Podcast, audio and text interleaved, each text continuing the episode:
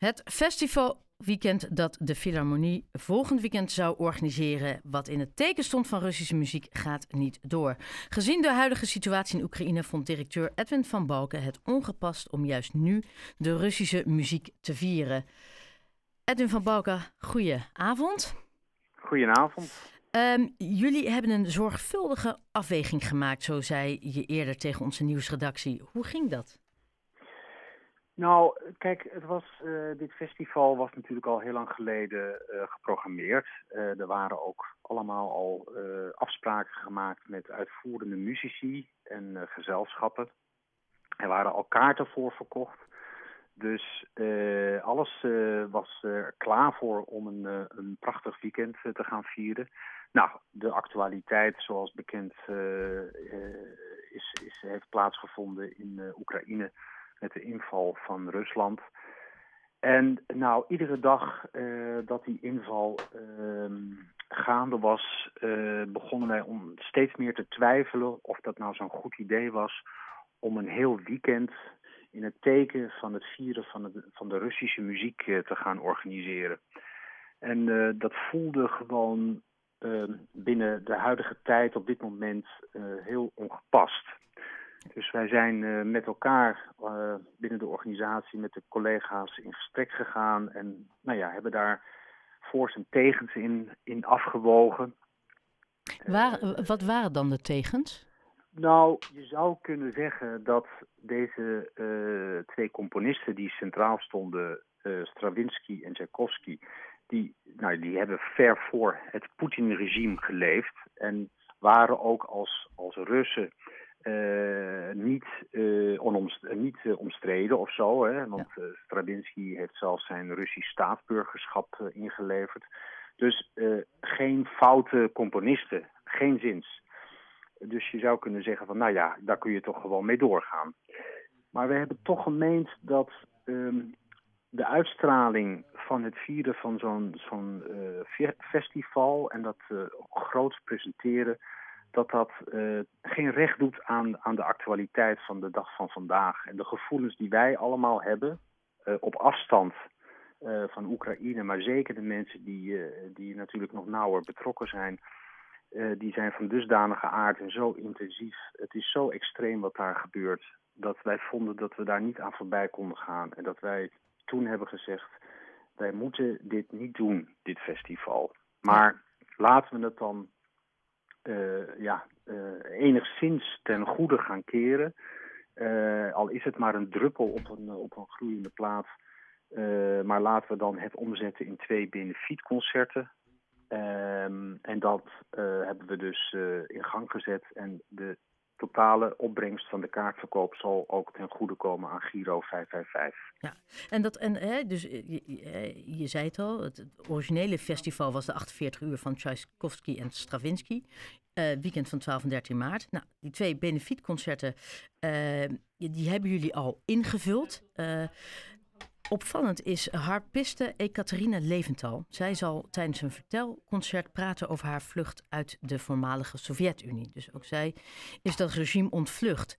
Nou, dat lijkt me heel mooi, maar ook best emotioneel heftig voor haar, juist nu, als ze ziet wat daar gebeurt. Nou, dat, kijk, dat, dat is natuurlijk uh, precies wat er gaande is. Uh, kijk, wij als Nederlanders die op 2000 kilometer afstand wonen zijn er al zo betrokken bij. Ik hoor zoveel mensen iedere dag praten over, over wat daar gebeurt. Dan kun je je voorstellen dat uh, uh, ja, mensen als Ekaterina Leventhal, die daar echt nauw betrokken bij is, vanuit haar achtergrond, daar natuurlijk zeer, zeer mee bezig is. En uh, nou, daarom vind ik het ook ja, echt een, een eer en alle respect voor haar dat zij dit, uh, dit vertelconcert uh, bij ons wil presenteren. En dat zij daarmee ook de mogelijkheid wil geven dat het publiek dus kaartjes kan kopen. En dat die kaartjes, die opbrengst daarvan dus naar, naar, die, naar de vluchtelingen gaat van, vanuit Oekraïne. Ja. Dus nee, dat, dat zal een, ja, dat kan een intense voorstelling worden. Maar uh, ja, ik ben er nogmaals uh, ik ben er zeer mee ingenomen dat zij dit. Uh, Heel mooi. Doen. Ja, ja en, en dan 13 maart, wat vindt er dan plaats? Dan hebben we een, het Nederlands Blazersensemble. Dat zat oorspronkelijk ook al in die 48 uur. Um, en, en, wij hebben in overleg met het Nederlands Blazersensemble besloten om toch dat concert van hen door te zetten. Maar dan niet meer in het kader van dat groots opgezette festival, maar als een alleenstaand benefietconcert. En daar, zal, daar zullen wel de componisten Tchaikovsky en Stravinsky ten gehore komen. Maar uh, dan als een benefietconcert uh, waar ja. ook de volledige opbrengst uh, ten goede gaat komen aan Giro 555. Ja. En, en is het juist nu, gezien de verschrikkingen in de Oekraïne, dat we een standpunt innemen? En niet alleen de Nederlandse regering, maar ook instanties zoals jullie? Wat nou, laat ik het zo zeggen. Je, uh, je kan er op een gegeven moment mee geconfronteerd worden om daar echt een concreet standpunt in, in te nemen. En dat heb ik dus ook zelf persoonlijk gevoeld. Met dit festival wat we oorspronkelijk geprogrammeerd hadden, werd ik, werd ik zelf gedwongen om hier echt mijzelf over uit te doen spreken. Ja. En, uh, en dat heb ik dus uh, in overleg met collega's en ook in, in overleg met de uitvoerende muzici dus gedaan. Waarbij ik wel wil opmerken dat dit niet een boycott is van uh, Russische muziek, Russische componisten of uitvoerende muzici. Dat is het niet. Want uh, het zou kunnen gebeuren dat uh, over twee weken een orkest bij ons speelt.